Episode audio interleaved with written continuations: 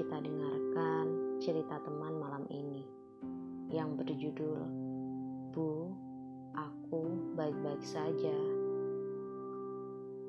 Bu, aku benar-benar baik-baik saja.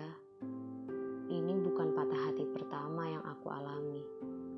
Tapi mungkin ini patah hati pertama yang benar-benar kau lihat dariku, Bu. Tangisan pertama kau lihat tanpa sengaja, sehingga setiap menatap raut wajahmu selalu menaruh rasa khawatir padaku.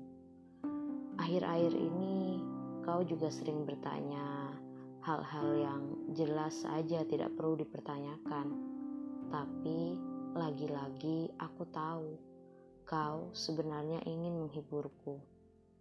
Lagi-lagi kukatakan Aku baik-baik saja, Bu.